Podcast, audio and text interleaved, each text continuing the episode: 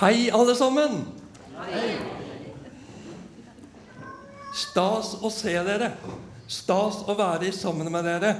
Fra de yngste til de eldste.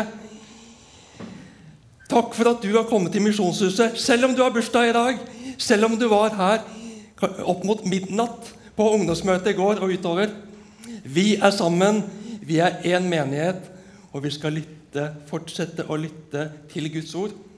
La oss be om at det må lande i oss slik som Han vil. Jesus, Far, Hellig Ånd, åpne ordet for oss.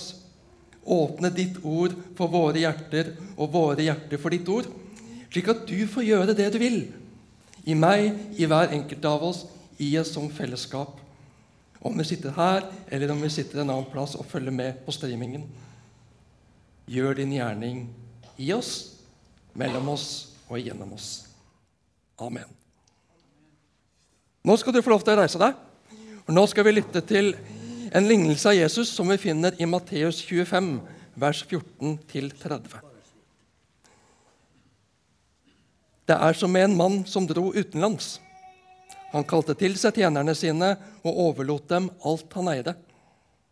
En ga han fem talenter, en annen to, og en tredje én talent. Etter det hver enkelt hadde evne til, så reiste han. Han som hadde fått fem talenter, gikk straks bort og drev handel med dem og tjente fem til. Han som hadde fått to talenter, gjorde det samme og tjente to til. Men han som hadde fått én talent, gikk og gravde et hull i jorden og gjemte sin herres penger.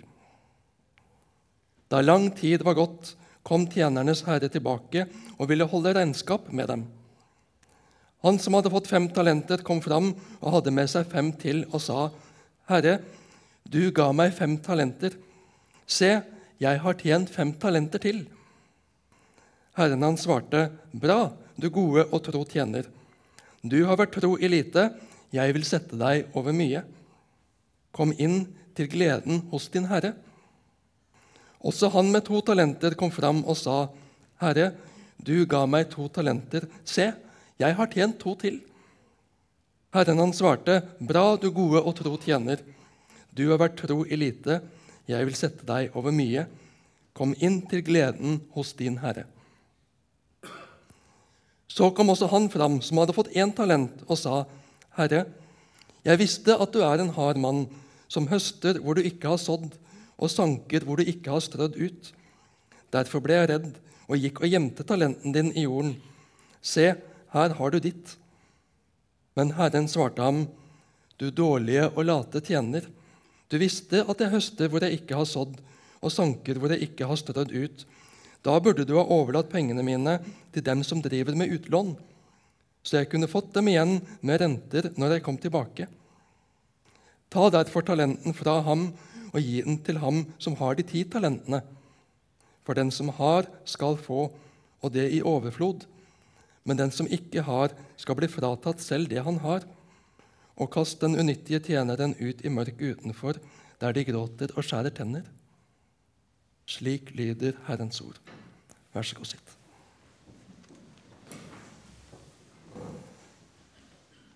Det er både skremmende og befriende. Men det hele handler om hva slags bilde vi har av Gud. Hvem er Gud i din bevissthet? Hvordan ser Gud ut? Da er jo ikke utseendet det avgjørende, verken når en skal finne venner, potensiell ektefelle eller Gud. Men hvordan er Gud i dine tanker og i dine følelser? Stemmer det med Bibelens bilde av Gud?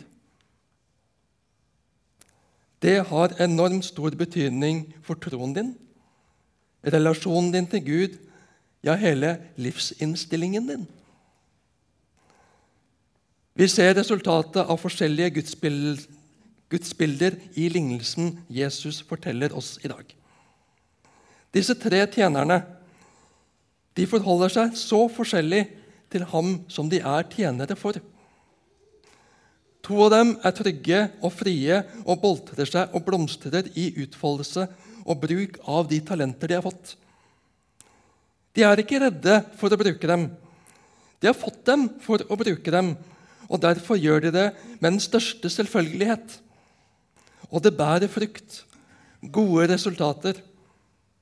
Det de hadde fått å rutte med, fordobla seg når det ble satt i sving, når det ble brukt. Men sistemann er ærlig med det at han er redd for sjefen. Han er redd for å miste. Han er redd for å bomme, sløse bort det han har fått å forvalte, så han graver det ned. Så ingen skal stjele det fra ham, eller at han selv skal gjøre noe dumt og tulle det bort, og dermed få kjeft når sjefen kommer tilbake og stiller ham til regnskap. Hvordan ser du på Gud? Hvordan forholder du deg til Gud? Og hvordan tror du at han ser på deg? Er du redd for Gud? Eller er du trygg og tillitsfull innenfor Gud?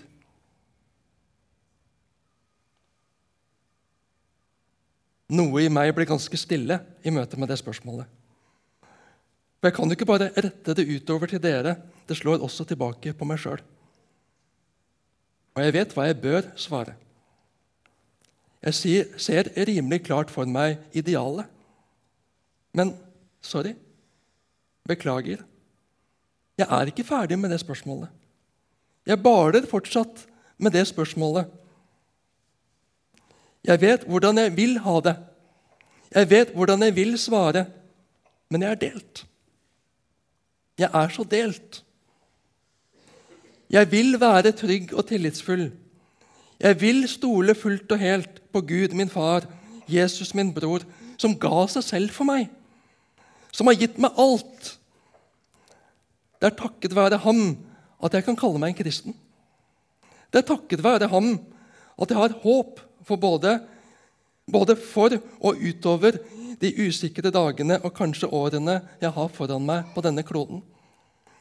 Det er takket være ham at jeg er her, at jeg er til, at jeg er frisk, at jeg har alt jeg trenger, og gode mennesker rundt meg, en menighet å høre til og tjene i.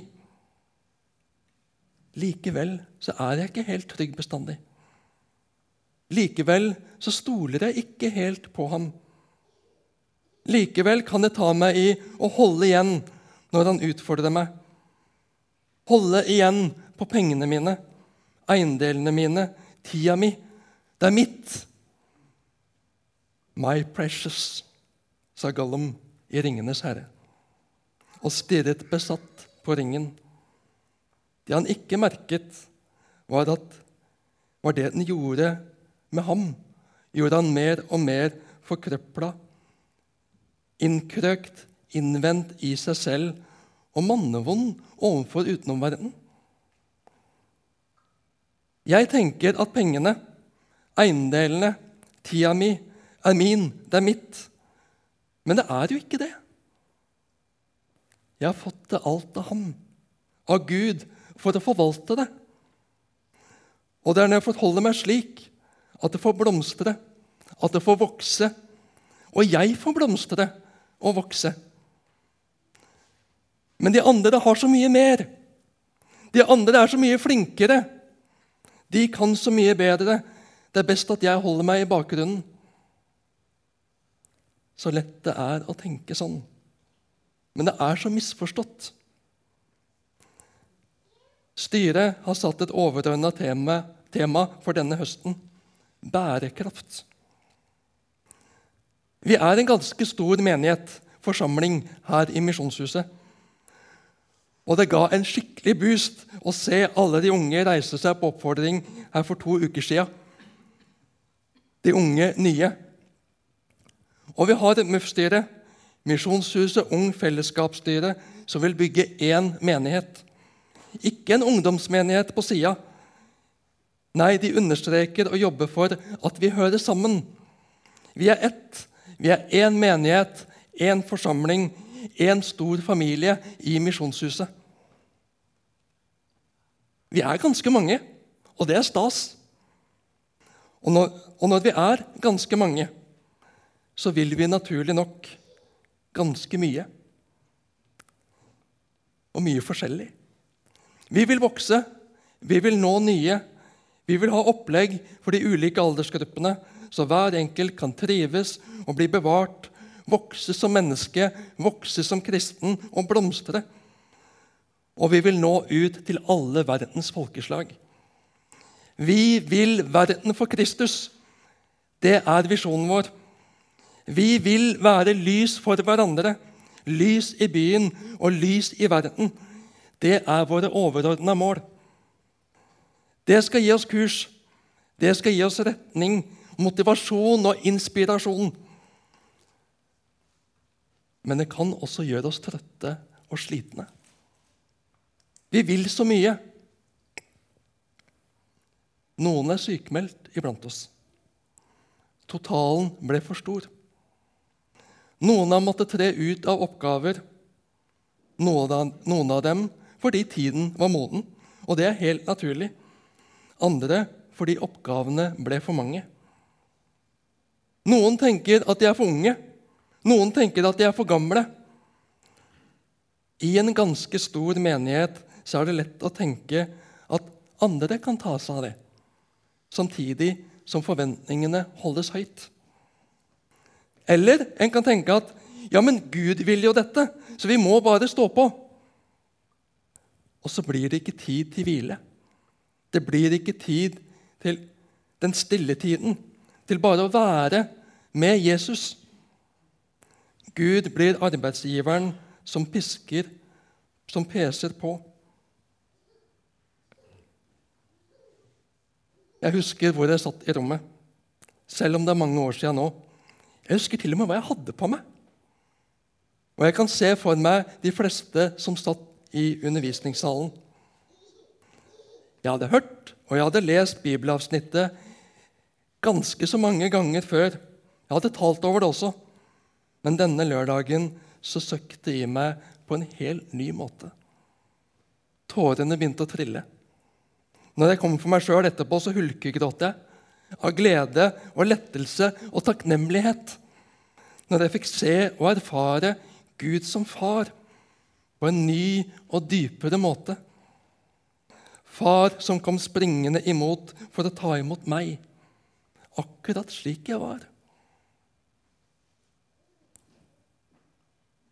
Hva slags bilde har du av Gud? Er han en streng arbeidsgiver som du ikke helt vet hvor du har? Som du må passe deg for for ikke gjøre noe feil? At det er tryggest å ikke gjøre noe for å ikke gjøre noe feil? Eller har du fått møte Gud som far, fått se Gud som far, som elsker deg, med og på tross av alt i livet ditt som gjerne og med fordel kunne vært annerledes? Gud er hellig. Gud er fullkommen. Han er ren. Det blir en kontrast til meg og det vekker naturlig en ærefrykt i meg. Og jeg tror det er rett å si at Gud har en forventning til oss. For intet har dere fått det, for intet skal dere gi det, sa Jesus da han sendte ut de tolv. Alt vi er og har, har vi fått fra Gud til å tjene ham, leve med ham her han har satt oss. Vi skal ikke holde på det. Vi skal ikke holde det som om det var vårt eget. Det er hans. Jeg er hans. Men for å klare det så må jeg være trygg på hvem jeg er, og hvem han er.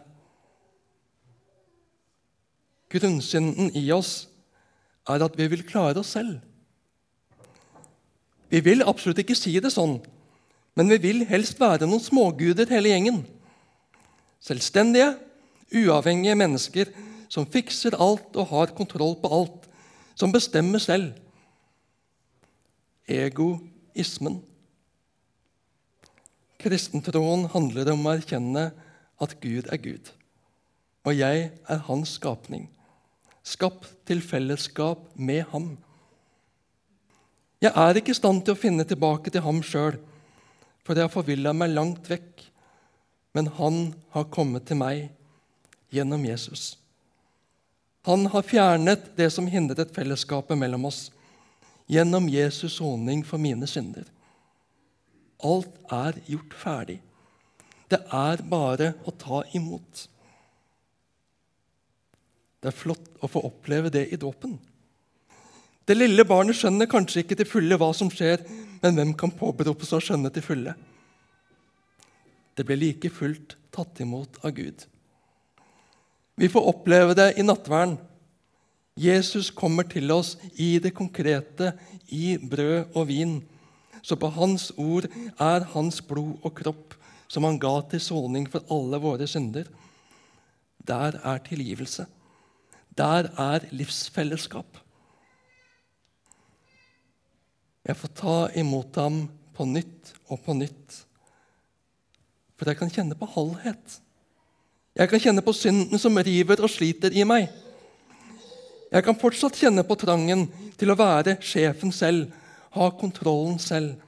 Og Noen personlighetstyper har det mer i seg enn andre.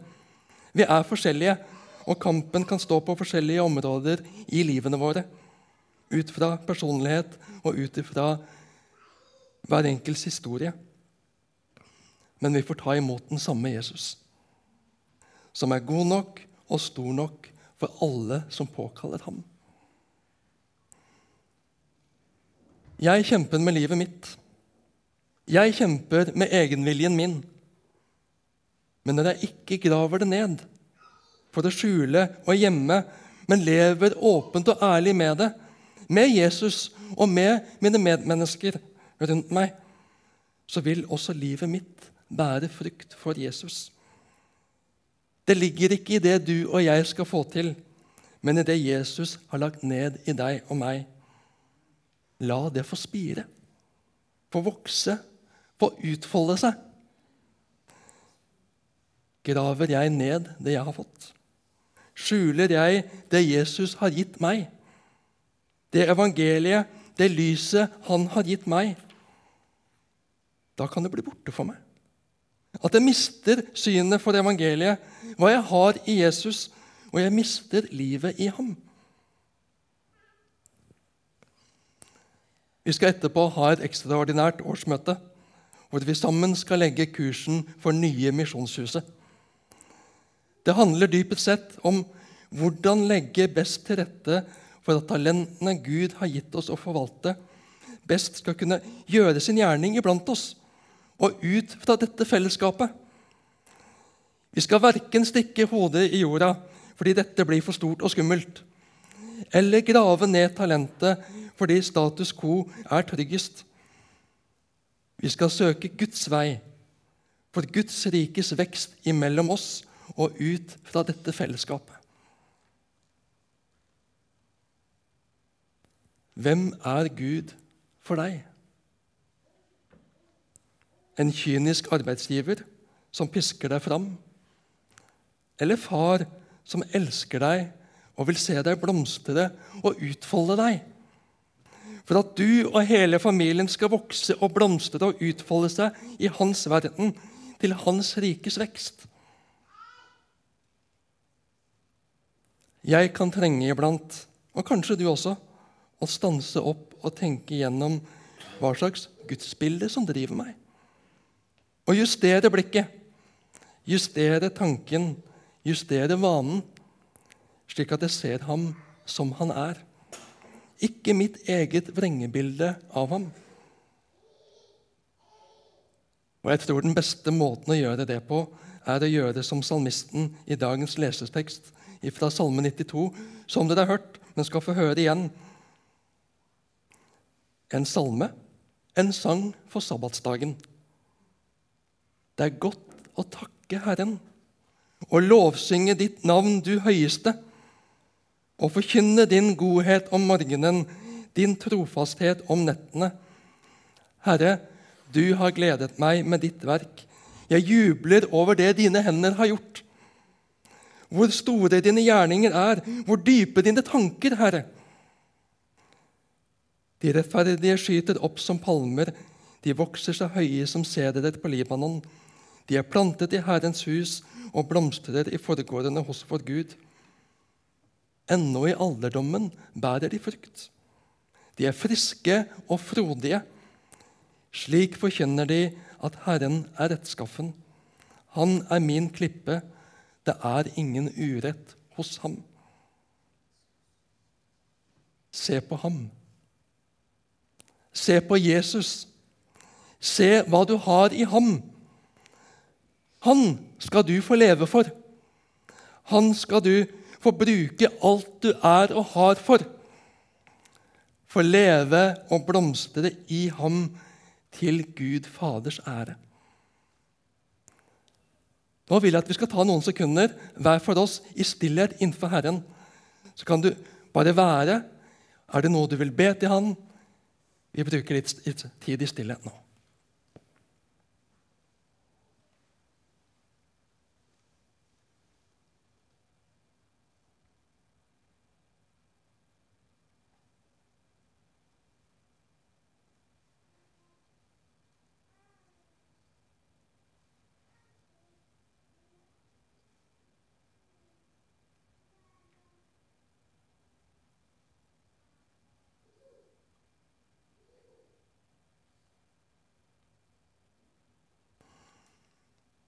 Så vil jeg at du skal reise deg, og så skal du få ta imot Herrens velsignelse.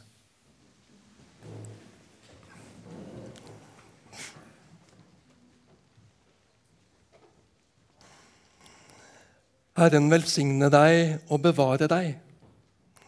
Herren la sitt ansikt lyse over deg og være deg nådig. Herren løfte sitt åsyn på deg og gi deg sin fred.